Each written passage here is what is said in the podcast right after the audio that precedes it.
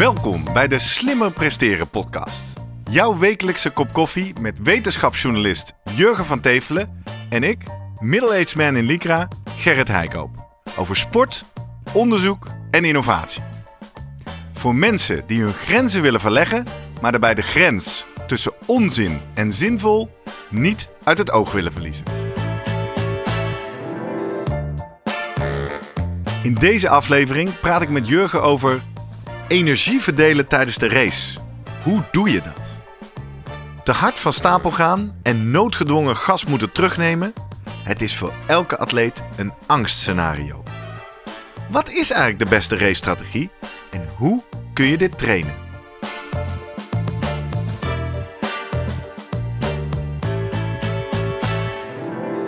Voordat we beginnen, nog even drie dingen om aan te denken als jij zelf ook slimmer wil presteren. Nummer 1.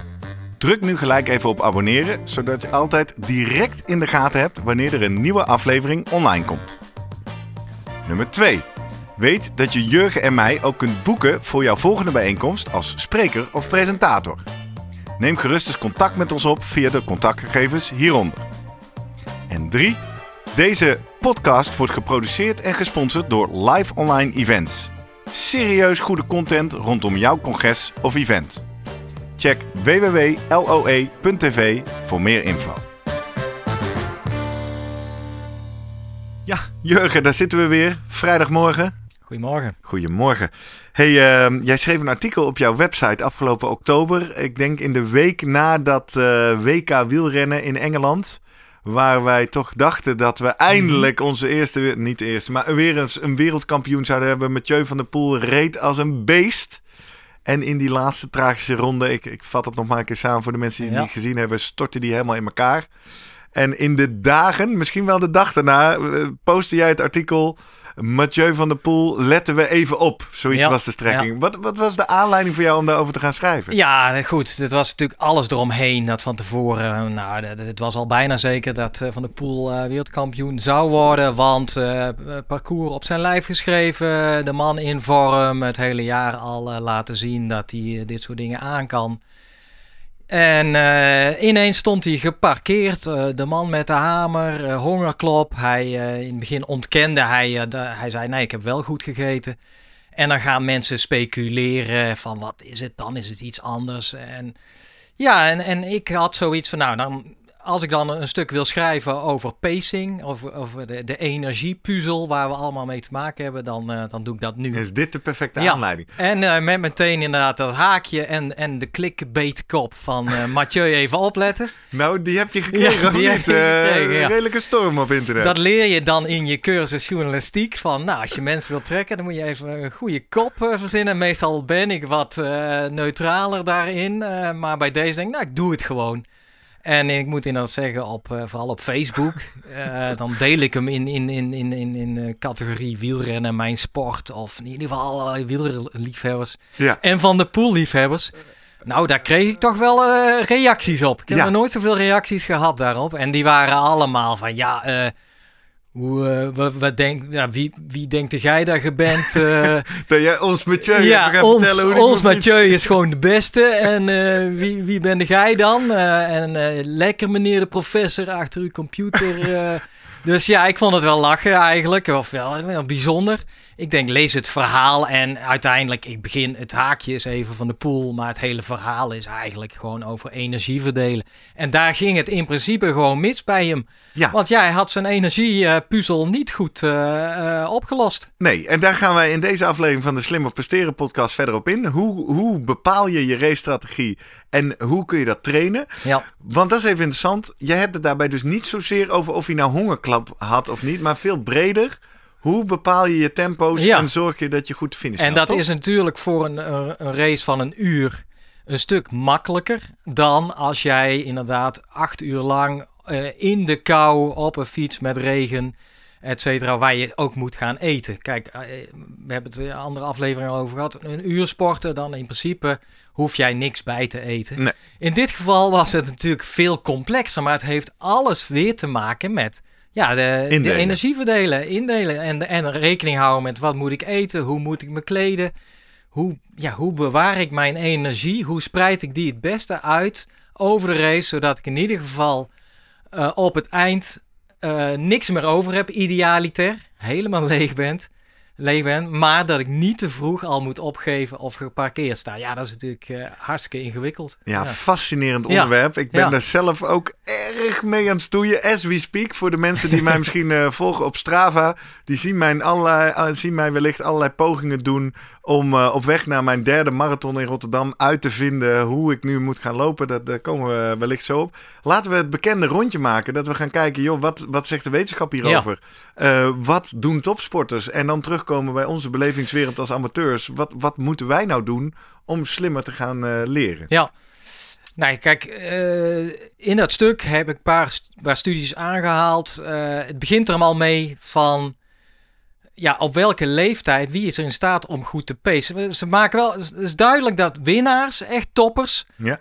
zijn in staat beter te pacen dan subtoppers. En dan even, ik hoor mezelf als ik terugluister dat vaak zeggen, terug naar de basis. Ja. Pacen? Wat Pacen is, dat? is dus eigenlijk energie verdelen. Dus dat, dat tempo... Bepalen welk tempo, welke inspanning je op welk moment levert. Precies. Logisch. Ja, ja. en dat is eigenlijk in een race continu... Ja, een, een, een, een, een tweestrijd ook in je hoofd. Hè, van, uh, en dan vooral bij, bij het wielrennen. Ga ik mee met deze ontsnapping?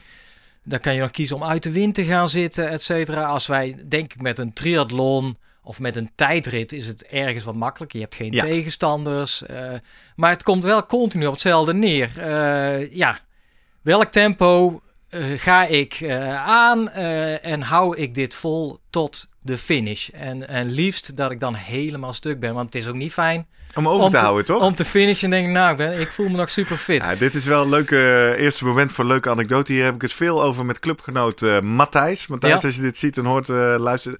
Ik geloof echt, bij hem zit echt iets klem in zijn hoofd. Want die jongen kan verschrikkelijk hard lopen. Mhm. Op elke korte afstand loopt hij mij er volledig zoek. Maar zodra het richting de 10 kilometer gaat, wordt hij heel voorzichtig. Ja, ja. Letterlijk. Ja. En uh, terwijl ik ben het omgekeerde. Mijn, mijn pacing-strategie, als ik die al had tot nu toe, is altijd zo hard mogelijk weg. En als je dan ook naar die tijdcurves kijkt, is het, het begint heel hard en dan langzaam okay. curft hij zo af. En dan probeer ik het zo lang mogelijk vol te houden. Daar probeer ik een beetje op terug te komen, maar dat is hoe het tot nu toe gaat. Het effect is wel dat mijn eindtijd is structureel sneller dan die van Matthijs. Ook al loopt hij in de tweede helft uh, op mij in. Ja. Hij maakt niet meer goed wat ik in het begin... Uh...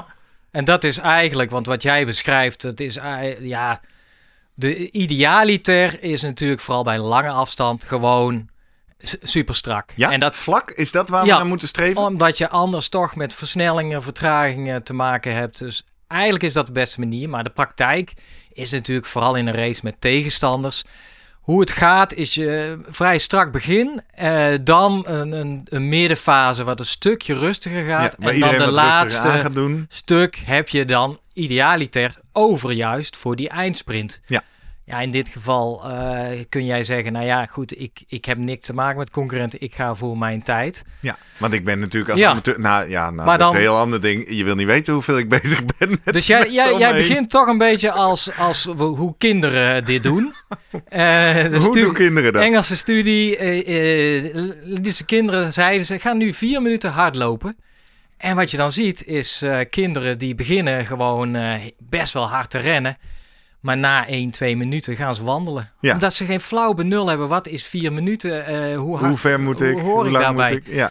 En dat is wel grappig. Ik uh, heb zelf jarenlang de, uh, in de sportcommissie gezeten van de basisschool, Dolfijn. Dan begeleide ik dan de kinderen bij die Driebergenloop. Ja.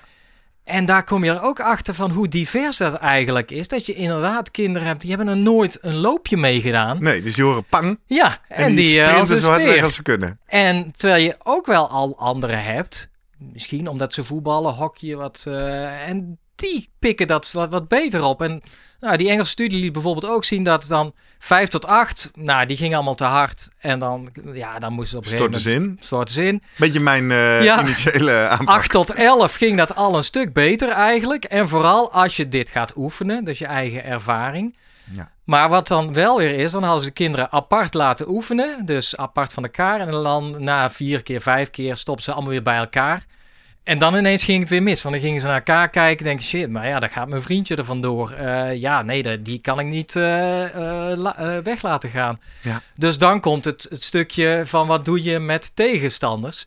En uiteindelijk waar ze met studies, vooral uit Groningen vind ik interessant, volgen ze jonge schaatsers, jonge short trackers. En wat zij eigenlijk zien is vanaf die puberteit, dus in volwassen worden ja, dan vindt ineens de transitie plaats waar uh, van, van jonge hond die slecht indeelt of veel te hard van stapel gaat, naar wat een volwassener stijl, of in ieder geval en een, een, uh, een, wat toppers doen, is conservatief starten, ook in die sporten, terwijl dat relatief kortere afstanden zijn dan 10 kilometer hardlopen. Ja. Uh, ja, dat, dat linken zij eigenlijk gewoon ja, je, je fysieke ontwikkeling, maar juist ook je cognitieve ontwikkeling, uh, prefrontale cortex wordt dan genoemd. Ja. Als zijnde de plek waar je gaat plannen en beslissingen maken. En dat is eigenlijk pacen in een, uh, in een notendop, is continu van eerst plannen, een plan maken. Dit, dat zul jij ook wel doen, denk ik. Eerst, eh, oké, wat wil ik eigenlijk? Wat wordt mijn plan? En dan tijdens die race continu eigenlijk terugkoppelen, evalueren, eventueel bijstellen. Dus, uh, en beslissingen nemen. Ga, ja. ja. blijf ik dit tempo, neem ik het kort.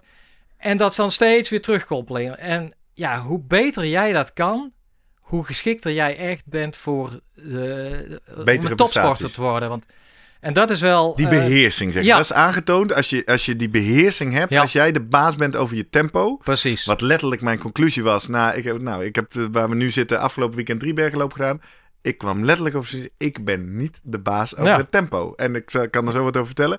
Maar het, het, prima plan, maar dat is niet wat het wordt. En dat is eigenlijk, ja, misschien uh, volwassenen kun je bijna niet meer bijsturen. Las ik ook in, in een stuk. hopeloos geval. Ja. ja. Maar juist, uh, juist bij, bij talentherkenning keer op keer wat uh, studies uit, uit Groningen dan laten zien is van we willen vroeg selecteren bij sporten als voetbal en, en hockey.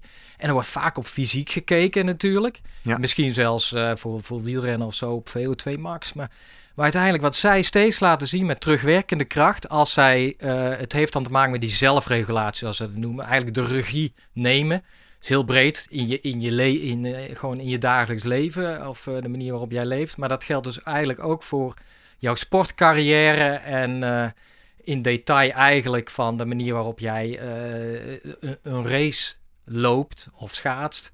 Gewoon zelf de regie nemen en bepalen van en weten van wat je daarvoor nodig hebt, wat je moet doen en eventueel bijschakelen waar nodig. En dat is uiteindelijk bepalend voor eindelijk elke sport welk kind uiteindelijk echt de topsporter haalt. Wauw. Dus we kunnen, en dat is, uh, ja... Het is vast niet inwisselbaar, maar je kan zeggen, als je mensen met gelijk fysiologisch talent hebt, dan wordt Precies. dit de ja. doorslaggevende En zij, factor. ja, hoe je dat opspoort, zij werken dan ook weer met vragenlijsten, waardoor ze erachter komen. Maar keer op keer laten die terugzien bij succesvolle sporters terugkijkend van, nou dan blinken zij uh, op, op 14, 15-jarige leeftijd niet zozeer uit in fysieke kwaliteiten ten opzichte van anderen, maar juist in die, ja, in die, die zelfregulatie, uh, dat aspect. Mooi. Ja. Ja, ik zit nu alleen maar terug te Ik heb inmiddels nu, even voor, voor de kijkers die ons voor het eerst ontdekken, ik ben nu een jaar of drie dit wordt mijn vierde seizoen in de langere afstanden. Ik heb nu twee keer de Rotterdam Marathon gedaan en uh, nu viertal halve marathons. Ja, ik kan daar toch alleen maar vaststellen dat ik daar uh, inderdaad de klassieke... Dus de eerste lange afstand ooit was de, de, de City Pier City. Nu twee jaar geleden in Den Haag. Mm -hmm. En daar had ik ook een plan. Als ik terug ga, hoe kom ik bij mijn pace? Ook levensgevaarlijk. Kijk, want, want als je het nog nooit gedaan hebt, Ja. dan moet je natuurlijk ergens mee vertrekken. Ja. Nou, ik heb een inspanningstest gedaan via dat sportrustenprogramma. En daar vertellen ze je een getal. Zeggen ze nou, op basis van jouw VO2 max en jouw waarde, zou je in theorie eh, op je beste dag, oh, ik heb daar ook een vlog over gemaakt. Zoek ja. hem, ik zal een linkje plaatsen. Eh, eerste notitie, vlogje inspanningstest. Ehm, en dan zegt zij, en dat heb ik nooit op het vlog bekendgemaakt, maar dan noemt zij een getal wat ik op mijn beste dag ooit voor marathon tijd zou kunnen lopen. Oké. Nou, is vrij ambitieus, daarom durf ik het ook niet te Ja. noemen. Uh, maar dat geeft dus aan dat ik wat fysiologisch talent heb. Jij hebt dat nog niet bereikt, dat is wel duidelijk. Nee, dat is nee, nee, nee, nee, nee. Maar waar ik wel achter ben gekomen, want ik ben natuurlijk een paar keer Ja. nagaan, waarom ga ik zo hard weg? Want het, wat de conclusie is, ga iedere keer te hard Oké, weg. ja. Ehm, en dat kan ik herleiden tot. Dat komt door die dag dat zij mij verteld heeft op basis van die waarden. Dit Ja. zou jij moeten kunnen. Dus voel ik het zelfvertrouwen. Los van dat ik natuurlijk die dag voel dat dat gaat. Ja. Maar denk ik, oh, dat ga ik doen. Dus Want dat is gewoon een, een kilometer tijd die ze dan geeft, zeg maar. Nee, een eindtijd. En die kan je natuurlijk terug, die En kan je zo natuurlijk heb jij- en dan terugleiden naar wat dan je pace zou zijn. Ge- Gedeeld door 42,1. En ik weet nog zo goed, die eh, eerste, die eerste City Pier City, in mijn eerste halve marathon, had ik natuurlijk gezegd, nou, doe een beetje conservatief. En Ja. natuurlijk, want dit was best ooit. Dus ik dacht, weet je wat? Ik heb de hele tijd in mijn hoofd, ik wil een soort vijf minuten kilometer lopen. Dat, dat, ja. dat zou moeten kunnen. En eh, ik loop daar, en dat, dat moment heb ik vastgelegd, heb ik op camera vastgelegd in die vlog. Ik loop daar langs de 1,35 pacers. En even voor de mensen die niet zo in die tijden zitten, met 5 minuten kilometer kom je uit op 1,45 uit mijn hoofd. En ik zie die jongens langslopen met die vlaggen. En het, het tik in mijn hoofd. Ik Ja. denk, daar ga ik achteraan. Ik weet niet waarom. Ik weet niet waar ik het lef vandaan haalde. Ik dacht dat het zou kunnen. En in de adrenaline, ik, ik schiet weg, jongen. En ik heb onderweg nog lopen vloggen en whatever. En overmoed ten top. Ja, en ergens bij kilometer 17, 18 stortte ik in Ja, elkaar. Als je ja. die, die tijdgrafiek ook ziet, zie je dat zo wegzak. Maar ja, dan nog kom ik achteraf achter. Het voelde als instorten. Maar toen ging ik pas 5 minuten kilometer 15 Ja, ja. lopen. En kwam ik dus met 1,35 over de finish op een halve marathon. Bizar.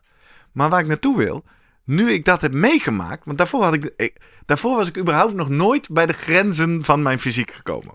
Nu heb ik dat meegemaakt. Volgende halve marathon durf ik niet meer zo weg. Nee, Omdat ik nu denk, oh ja, nee, maar ik moet nu voorkomen dat ik bij dat punt kom. Word ik al voorzichtiger. En ik heb eh, nu het anders. Ik probeer nu inderdaad te leren negative split. ja. Misschien moeten we even uitleggen wat dat is. Dat is Ehm, heel mooi, hè? Dat ja, je de, de, dat in de tweede helft van je race dat je harder loopt dan Ja. in de eerste. Dat is een soort van het hoogste goed. Waarom, waarom vindt iedereen dat zo fantastisch? Ja, dat geeft eigenlijk aan van heb je lekker nog over, in ieder geval in de tweede helft. En eh, ze hebben inderdaad wel eh, studies gekeken naar de WK Atletiek. Ehm, gewoon de 1500 meter, 5000, 10 kilometer en marathon. En eh, waar ze dan inderdaad op uitkomen is in ieder geval ja, dat toch die toppers inderdaad een negative split weten te lopen. Oké. Dus dat geeft steeds maar aan ja, die, dat die con, de conservatief beginnen is toch voor hun belangrijk. Alleen ja, in vergelijking met jou, ja, zij zijn toppers. Dus als zij conservatief beginnen, gaan zij nog steeds met de beste mee. ja, precies. Ja, dat is natuurlijk makkelijk praten van als jij dan toch. Maar in jouw geval betekent dit al dat jij afstand moet nemen, of in ieder geval rustiger moet lopen dan eh, bepaalde mensen waarvan je denkt, ja, maar die zou ik toch moeten kunnen bijhouden of noem Ja. Dus het is, ook, het is ook een ontdekkingstocht wat dat betreft. Nou, en die, en die is superleuk. Ja. Die kan ik iedereen aanraden die nog aan het begin van zijn Ja. lopen of fietsen of triathlon carrière staat. Die, die reis is superleuk. Wij zeggen in de intro, hoe kun je dit trainen? Nou, we, we zijn nu even bij die toppers. Hoe trainen zij hun pacing? Heb je daar iets over gevonden? Mm, ja, nee, ik, ik heb wel wat, wat trucjes aan de hand van eh, het, eh, wat Hutchington eh, bijvoorbeeld in zijn boek. be- besteedt hij daar ook aandacht aan.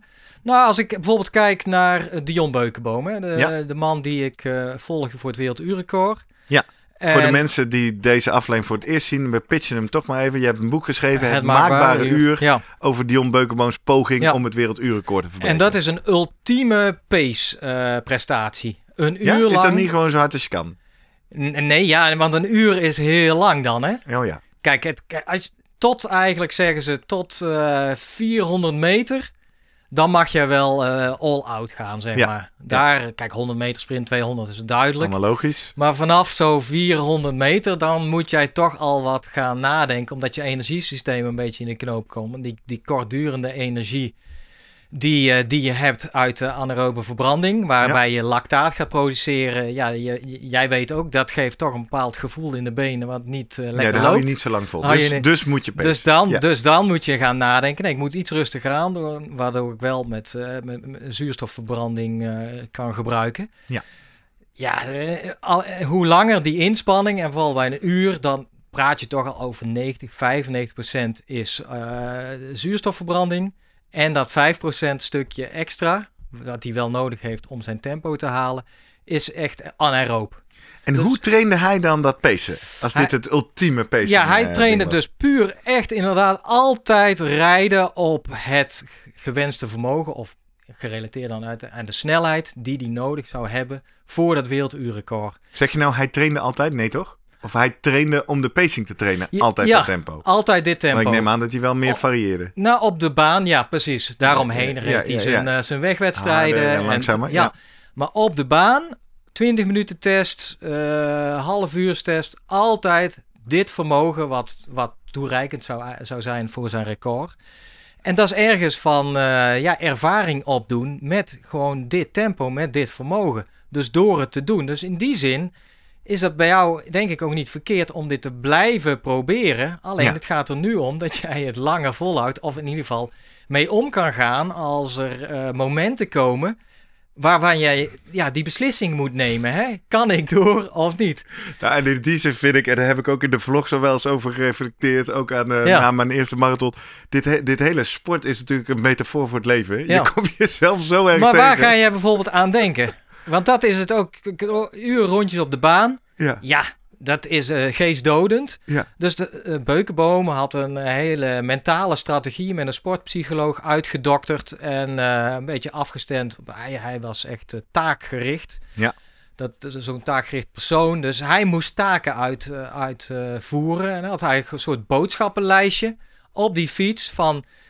eh 10 minuten moest hij aan zijn ademhaling gaan denken. 10 minuten om zijn houding.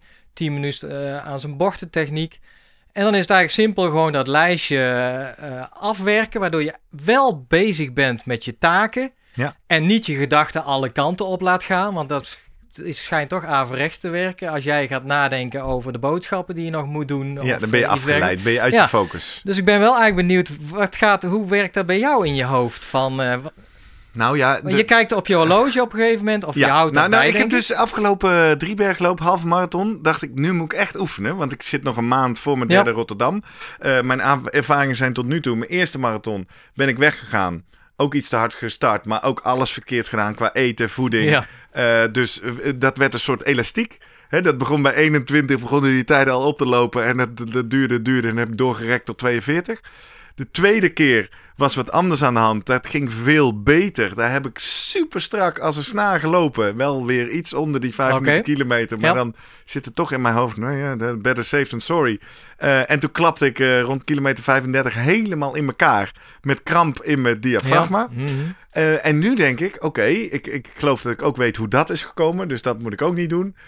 Ik weet nu wat ik doe met eten. Dus, dus ja, de derde keer, drie maal scheepsrecht. Nu moet het goed komen. Nu heb ik alleen mezelf niet onder controle. Dus ik ging bij die halve marathon oefenen. En ik dacht, ik moet vijf minuten kilometer lopen.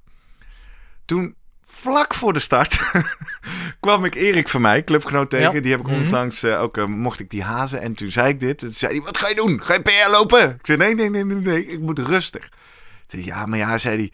Vijf minuten kilometer, dat is voor jou ook wel heel rustig, hè? Want 440 is voor jou relaxed. Dus ik zou er iets onder gaan zitten, zei hij. Oh ja, oh ik dacht, nou, 450 is ook wel goed. Maar daar heb je het al, hè? Je hebt toch een plan gemaakt?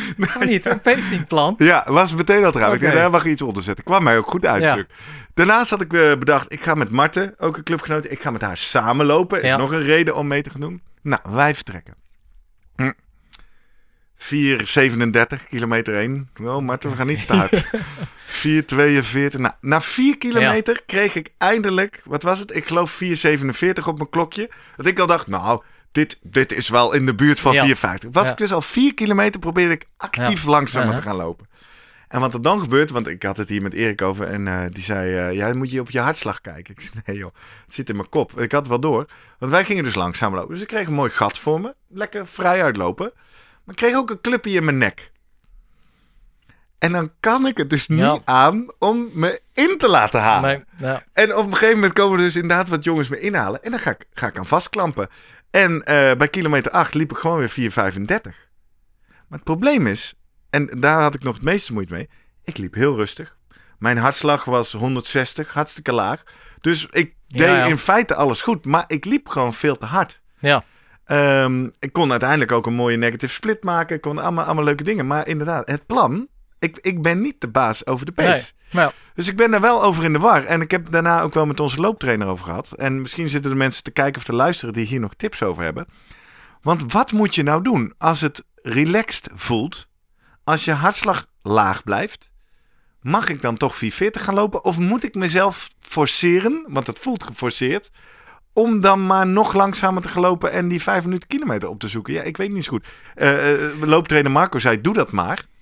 Want het draait allemaal om efficiëntie en sparen. En uiteindelijk gaan die 20 seconden per kilometer je opbreken. Ja, ja het, het, het, kan twee kanten op. Hè. Ik denk doelen stellen. Ja, ja wat, is, wat is voor jou het doel? Is dat inderdaad die marathon uiteindelijk in die tijd die ooit berekend is? Nee, nee, nee. Dit keer is maar. Ik wilde ik nu voor de derde. Ik wil hem uitlopen zonder in te storten. Dus ik ben inderdaad op zoek naar. Kan ik de baas worden over die afstand? Nou, dan, dan daar en daar is denk ik primair. Dan heb je je plan. En dat plan, denk ik dat dat, tenzij jij niet zo taakgericht bent. Uh, maar anders is dat, dat is gewoon je leidraad. En dat is in ieder geval wat, wat ze in, in Groningen laten zien wat, die, uh, wat in, uh, in het volwassen worden. Ja. Uh, als jij je bij, gewoon niet zo aspect, kinderachtig sporten. Bij het aspect zelfregulatie naar voren komt. Ja, continu ja, je plan en dat. Dat mag je inderdaad bijstellen, maar wees ervan bewust van ja, ik kies nu toch gewoon voor. Nou, ga toch lekker sneller met het risico dat. Ja. En dat is denk ik een beetje de, ja, de, de basis van. grappig is dat, dat vrouwen kunnen beter pacen. Die studies zijn er ook dan, dan? mannen. Oké, eh, vertel. ja, dat... Wat, wat, wat, is dat voor studie geweest? Ja, daar hebben ze naar, naar het pacinggedrag gekeken in, uh, in marathons of zelfs uh, dure evenementen. En dan kom je ook op het stukje van dat vrouwen juist in die ultra-marathons wordt gesuggereerd dat die misschien wel eens beter kunnen zijn dan mannen. Het is nog niet helemaal uh, wetenschappelijk helemaal aangetoond, maar het wordt wel gesuggereerd. Daar doen ze onderzoek aan. Ja. En wat is eigenlijk gewoon, je, je kijkt gewoon een groep marathonlopers bij de mannen en bij de vrouwen. En dan zie je eigenlijk gewoon naar de variatie in hun tussentijden van kun je, kun je kijken van hoe constant uh, mensen lopen. En dan komen de vrouwen toch beter naar voren dan mannen. En er zijn ook die, die onderzoeken uit Groningen bij die jonge schaatsers en, uh, en uh, short trackers. Die pikken het gewoon eerder op. Je kunt zeggen, ja, maar die komen eerder in de puberteit. Dus het is een beetje, een beetje lastig aan te gaan. Maar het lijkt er wel op dat vrouwen daar beter in staat toe zijn. Heb je ook... Maar de kritiek, wat mensen dan zeggen, vaak zeggen, ja, maar je hebt mannen je hebt gewoon veel meer mannen die nu marathons lopen, et cetera. Oh en daar zitten ook allemaal van die bucketlist jongens tussen. Ja, en die verprutsen de data. Ja, die gewoon zich slecht voorbereiden en helemaal niks met pacen. Gewoon op, uh, ja, gewoon maar... Op bravoure. ja. ja, en dat kan daar doorheen werken. Dus uh, ja, de, ik denk dat bij jou toch een kwestie uh, is van ervaring opdoen. En ja, en, en, en toch bij jou en ook... Nou, kijk ook bij Beukenboom, die had dat plan. Ik, ik weet niet waar jij precies aan denkt. Ja, jij kijkt heel erg naar de omgeving. Ja, ik ben extreem... Ja. En, maar de, wederom, naar, naar concurrenten. Ik ben enorm extreem gedreven. Ik, ik loop naar mensen toe. Ik uh, laat me niet inhalen. Ik ben alleen maar met andere dingen bezig dan mezelf. Nou, dat is ook het onderzoek, denk ik, wat we al eerder besproken hebben. Ook uit Groningen, waar ze met die avatars werken. En die avatar kan enorm goed helpen om jou iets harder te laten lopen. Maar Tegenstander als die... heeft dat effect ook. Maar wat, wat, wat, wat dat laat zien, is dan hou je het op 2% maximaal. Ja. Maar als je een avatar 5% harder laat lopen, ja, dan... Uh, dat, schat te groot. is schat te groot. Dus, dus het is prima om met mensen mee te lopen, maar dan, ja, het moet wel realistisch zijn natuurlijk. Ja, ja en met name dus, dat was uiteindelijk wat uh, Marco Glasta, onze looptrainer, zei. Dit kun je allemaal doen 10 kilometer, 15 kilometer, 21 kilometer. Hij maar zegt, maar de uh, sport in die marathon ja. is natuurlijk, gaat alleen maar over efficiëntie. Ja. Toen had ik met hem een hele discussie over uh, die 5 minuten kilometer. En zei hij ja, want reken maar eens uit hoeveel klappen jouw benen te ver krijgen in een marathon. Ja. En als je langzamer loopt, is de klap op je benen gewoon zachter. Daar moest ik even heel hard over nadenken. Zei ja, want het is gewoon jouw hele gewicht moet door dat ene mm. been gedragen worden. En als die contacttijd langer duurt, is het gewoon, het is newtons per seconde. En die newtons, die kunnen dus langer op die grond afgedragen worden. Dus je krijgt een mindere klap op je benen. Dus doe het nou maar wel, want je gaat uiteindelijk je spieren minder vermoeien.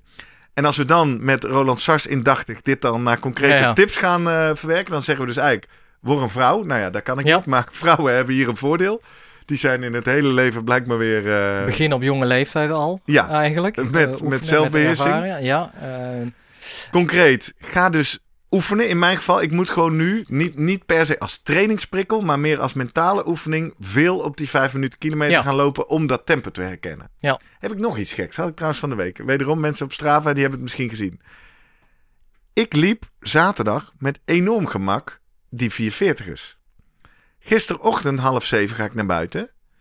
Loop ik voor mijn gevoel met een vergelijkbare hartslag, met een vergelijkbare perceived rate of exertion.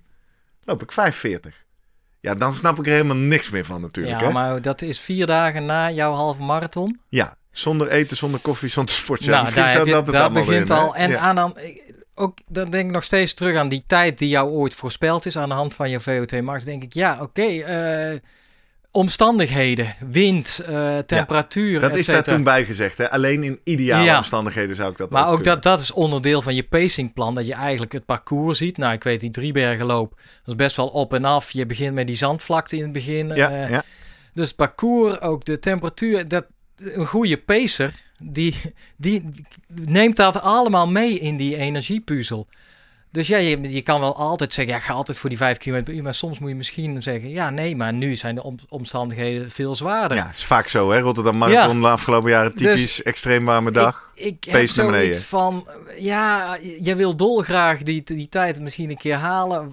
Hou wel rekening mee dat de omstandigheden dan ook wel ideaal moeten zijn.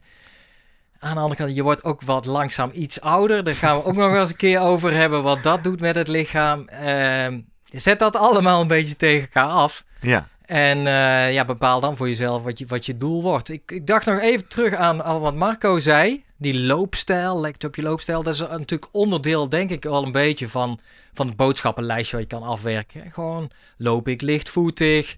eh, ademhaling gaat goed. Een beetje eh, loop ik ontspannen ook met mijn armen. Dat zijn riedeltjes, denk ik, die je kan, kan, kan, kan volgen. Ja.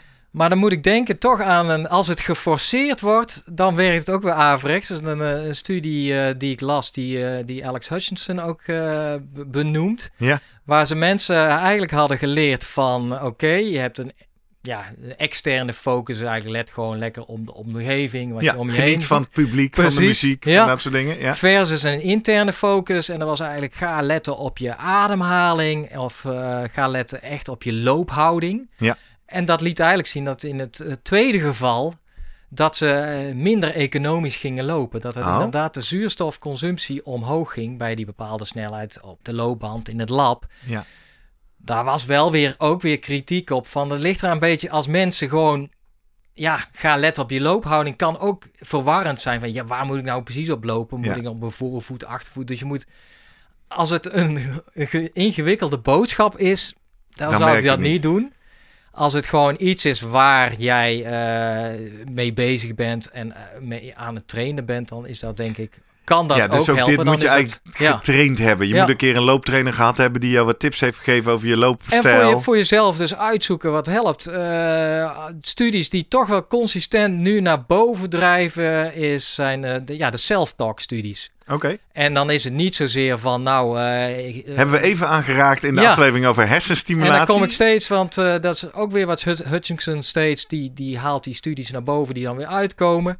Ja, het is niet zomaar van, kom op Gerrit, je kunt het. Nee. Daar moet ook een plan voor geschreven worden. Van, en dan precies. Een plan voor je self-talk. En dat, het- ik zet hem in de show notes. Nou, Ja. wat ze mensen, hebben ze proefpersonen eerst gewoon op, een, op een loopband een, een test laten doen.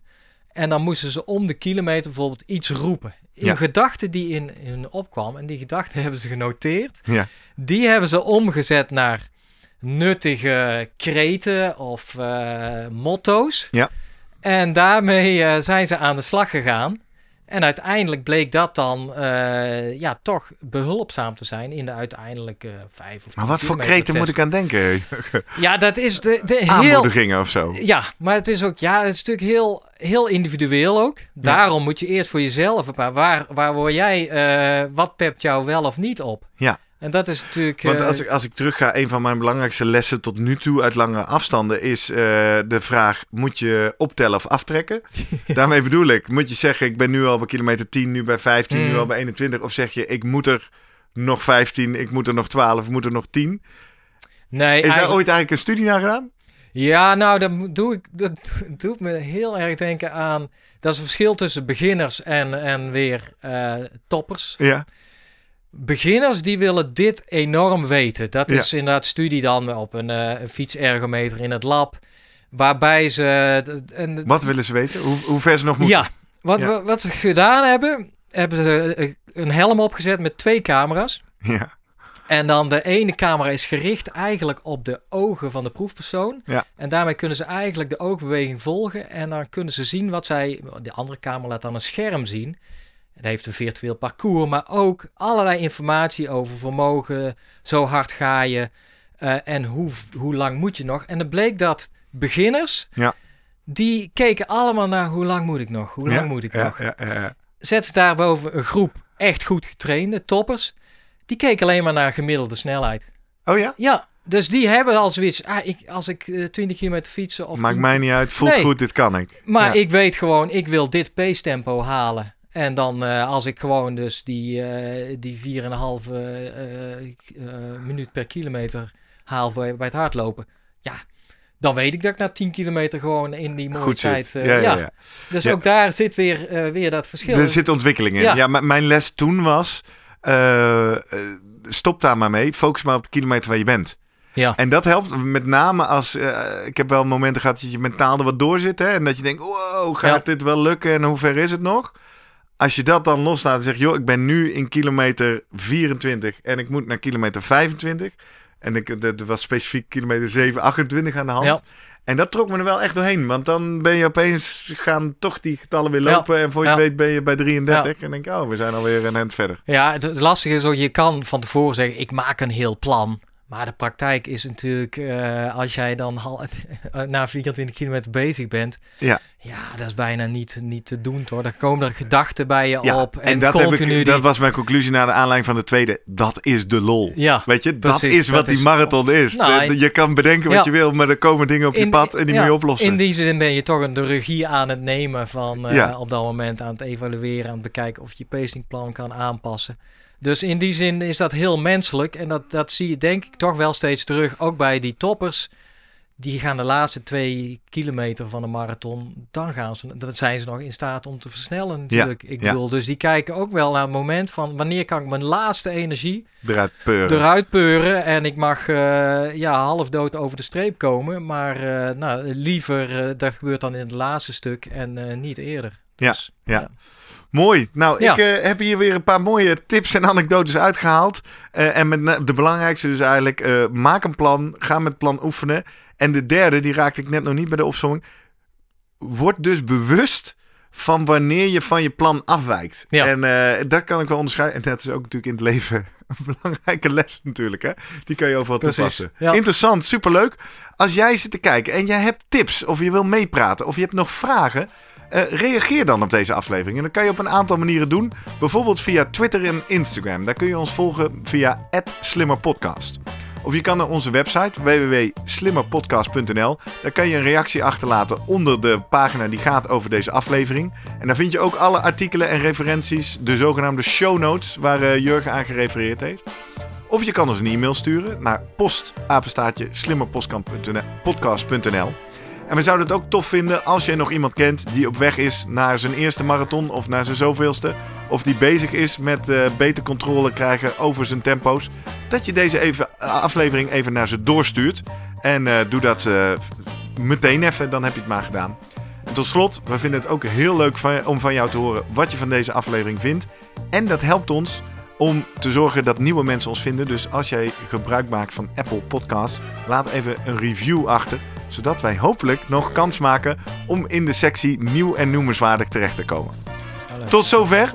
We, dit was onze wekelijkse kop koffie van deze week. Jurgen, dankjewel. Graag gedaan. En tot volgende week. Ja.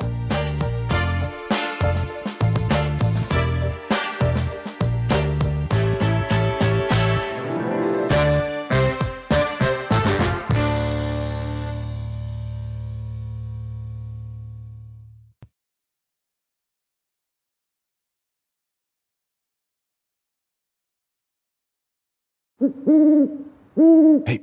Voordat je weggaat, denk er nog even aan uilentorenloop.nl. Dan zien we je de eerste zaterdag van juni. Tot dan!